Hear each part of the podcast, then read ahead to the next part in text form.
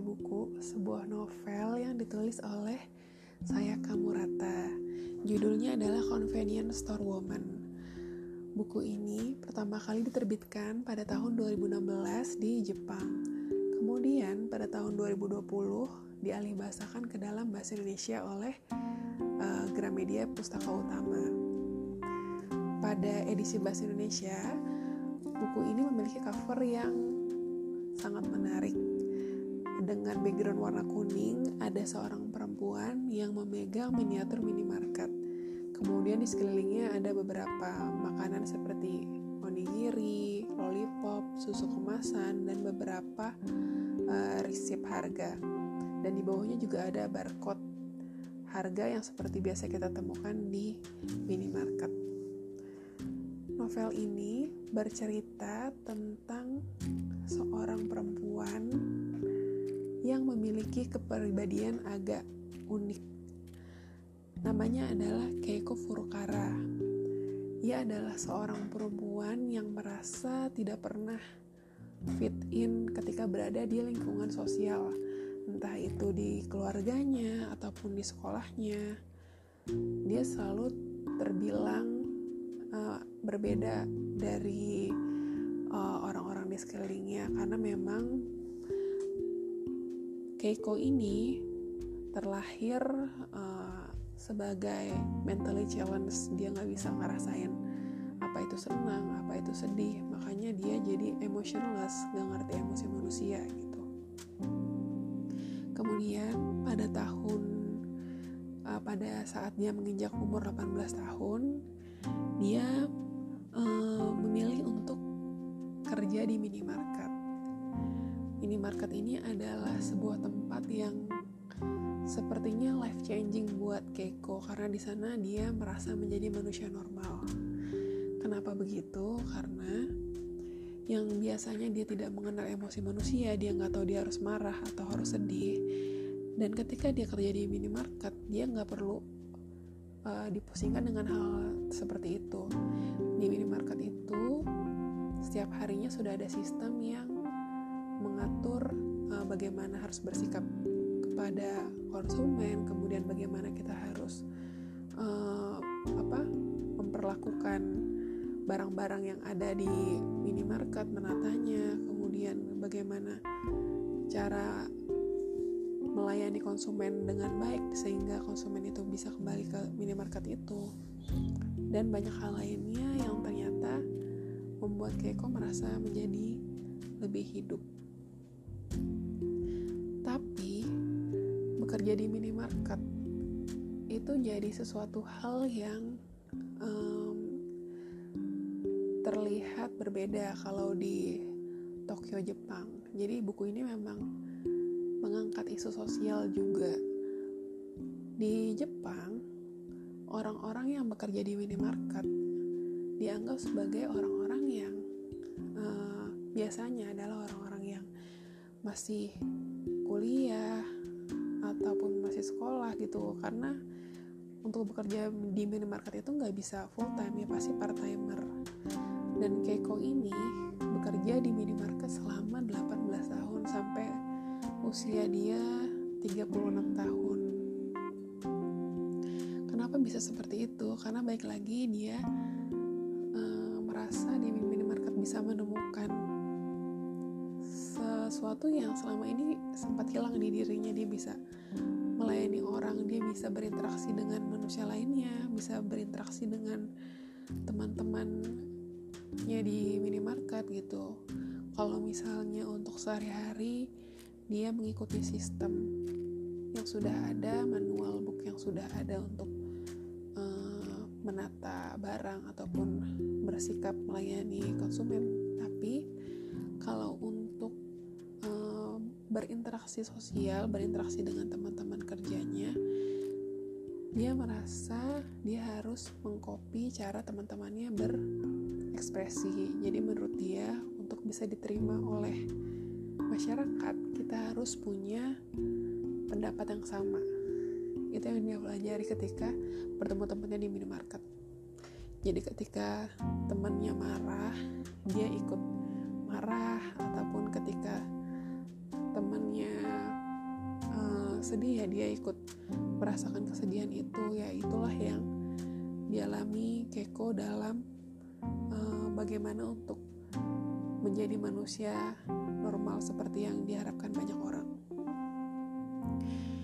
Namun ternyata ketika dia berusaha terus mengikuti apa yang diinginkan orang lain seperti tuntutan keluarganya di luar pun selalu minta dia untuk cari kerjaan lain karena kerja di minimarket itu hanya untuk orang-orang yang baru lulus sekolah ataupun uh, bukan untuk pekerjaan serius apalagi di usia dia sangat matang gitu ada tuntutan untuk menikah juga makanya Keiko merasa sangat keberatan dengan apa yang diharapkan oleh uh, keluarganya, kemudian teman-teman dekatnya di luar minimarket.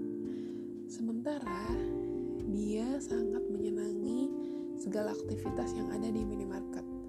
Entah itu bagaimana cara menata barang agar terlihat menarik kemudian dibeli konsumen, kemudian bagaimana cara uh, memilih barang yang kira-kira akan laku di saat musim tertentu misalnya apabila cuaca yang sedang panas uh, itu artinya dia akan menata minuman-minuman dingin karena itu akan pasti lebih laku dibandingkan minuman-minuman lainnya. Kemudian makanan-makanan hangat ketika cuaca agak dingin seperti itu. Keiko selalu uh, punya inisiatif untuk hal-hal tersebut karena dia sudah sangat berpengalaman di dunia minimarket. Jadi ketika dia sudah mengalami pergantian manajer begitu banyak dan pergantian rekan kerja, tapi dia tetap di situ bertahun-tahun dia melihat banyak sekali perubahan, tapi hanya dia yang tidak tidak berpindah dari tempat itu.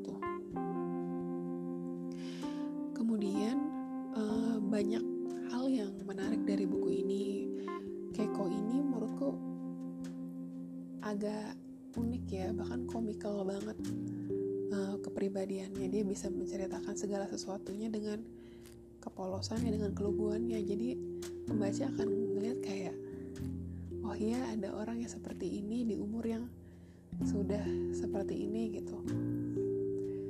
Kemudian di perjalanannya bekerja di, di minimarket dia bertemu dengan banyak sekali orang pegawai yang berpindah-pindah namun ada satu orang namanya Siraha.